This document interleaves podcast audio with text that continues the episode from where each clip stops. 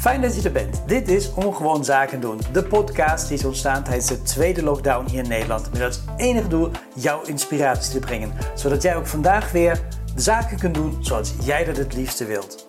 Dit is ook de plek waar zin en ons bij elkaar komen, dus neem alles wat hier gezegd wordt uiteraard met een korreltje zout.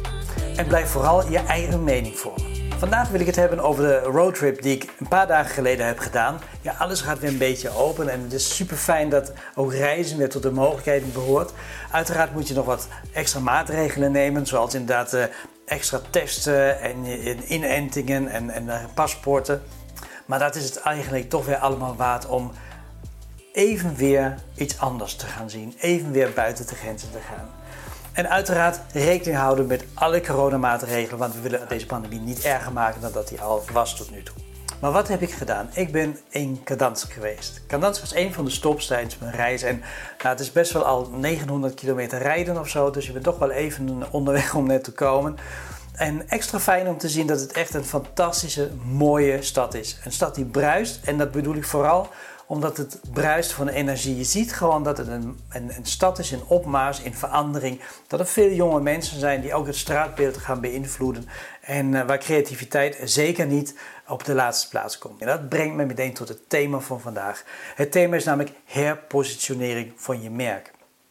Ik hoor om me heen de laatste tijd steeds vaker dat bedrijven en merken aan het kijken zijn van ja, hoe wil ik nu na deze coronacrisis me opnieuw positioneren op de markt. Hoe wil ik nu naar voren komen? Met welke boodschap? Met welke verhaallijnen? En, en welke type klanten wil ik uiteindelijk aanbieden? Met welk type producten?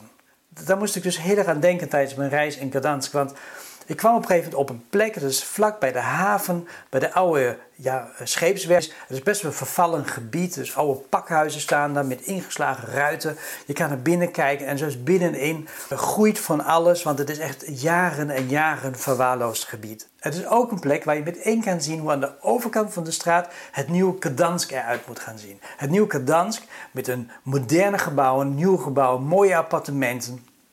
Met allemaal veel uitzicht op het watergebied wat er is. En prachtig gelegen.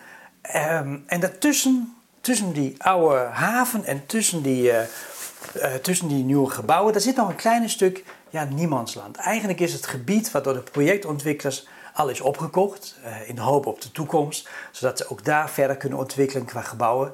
En dat ze uiteindelijk inderdaad het hele gebied kunnen herinrichten en herontwikkelen.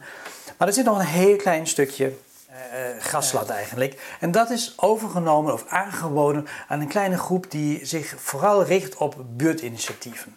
En die kleine groep die zorgt ervoor dat op die plek uh, de bewoners van, van, van de buurt, maar ook van de oude buurt die er was, dat zij een klein stukje tuin kunnen krijgen. Een klein stukje tuin die op een biologische manier wordt onderhouden, waar vooral samenwerken belangrijk is en, en initiatieven ontwikkelen, maar ook, ook verhalen en kennis en ervaring delen essentieel is. Een plek, een oase van rust. In het niemandsland tussen de oude fabriek, tussen de oude scheepswerf en het nieuwe Kadansk, de nieuwe flatgebouwen, de nieuwe appartementen.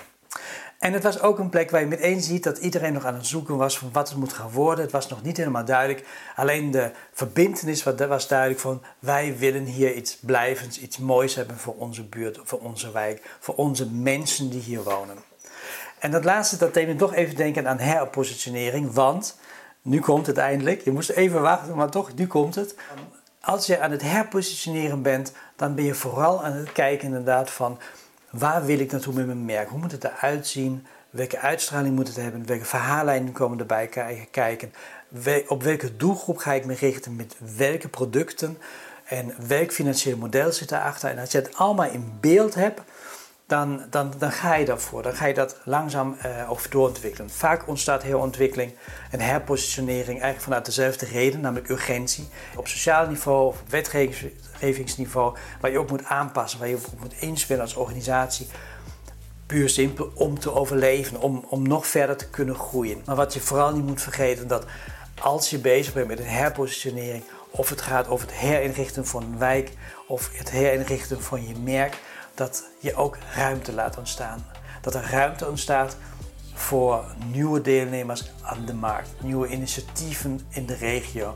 En die nieuwe initiatieven die zijn heel erg mooi inderdaad vaak voor de consument, Maar ze zijn ook inderdaad een stuk markt wat je los gaat laten en wat je inderdaad niet zo 1, 2, 3 kan behouden. Hopelijk is natuurlijk de groei die je realiseert vele malen groter dan datgene wat je achterlaat. Maar het is wel belangrijk om je, om je er bewust van te zijn dat voor al het nieuws wat je initieert, dat je ook een klein stukje ouds achterlaat en ruimte laat ontstaan voor competitie in de markt om dat stukje in te nemen. Ik vond het in ieder geval super interessant om ook in Gdansk uh, ja, die wijk te verkennen, de mensen te ontmoeten. Maar de mensen hebben eigenlijk alles verteld wat ze aan het doen zijn. En je ziet vooral, en dat is het mooie, dat enorme enthousiasme wat er ontstaat als er ergens ruimte ontstaat en je kan op, in die ruimte je eigen speelveld creëren, je eigen ding doen. Dat is misschien nog het allerlaatste wat ik hier aan toe wil voegen. Van, misschien ben je niet diegene die zich herpositioneert en juist inderdaad een nieuwe terrein uh, opgaat met je eigen merk, maar zie je een gat in de markt waar je denkt van hé, hey, daar ontstaat nu een leegte, een ruimte waar ik misschien met mijn dienstverlening, mijn product en mijn kennis invulling aan kan geven. En de doelgroep die daar aanwezig is, kunt interesseren voor jouw dienstverlening en jouw product. Hoe dan ook, heel veel verhaal vandaag, maar dit was in ieder geval mijn inspiratie van het Gdansk. En ik wens jou zoals altijd de allerbeste zaken toe en de allerbeste klant. Heb je deze aflevering interessant gevonden? Beluister dan ook een van de andere afleveringen of bekijk een van de andere afleveringen op mijn YouTube kanaal. En vergeet vooral niet om ook met mij contact op te nemen als je andere marketingvragen hebt of juist meer wil weten over dit onderwerp. Ik wil graag een keertje met je sparren, want ik merk toch dat één op één of in een kleinere groep inderdaad je nog veel dieper op de materie in kan gaan en nog veel beter kan helpen. Mijn naam is Sven Oinsen, dit was Ongewoon Zaken doen en tot de volgende keer.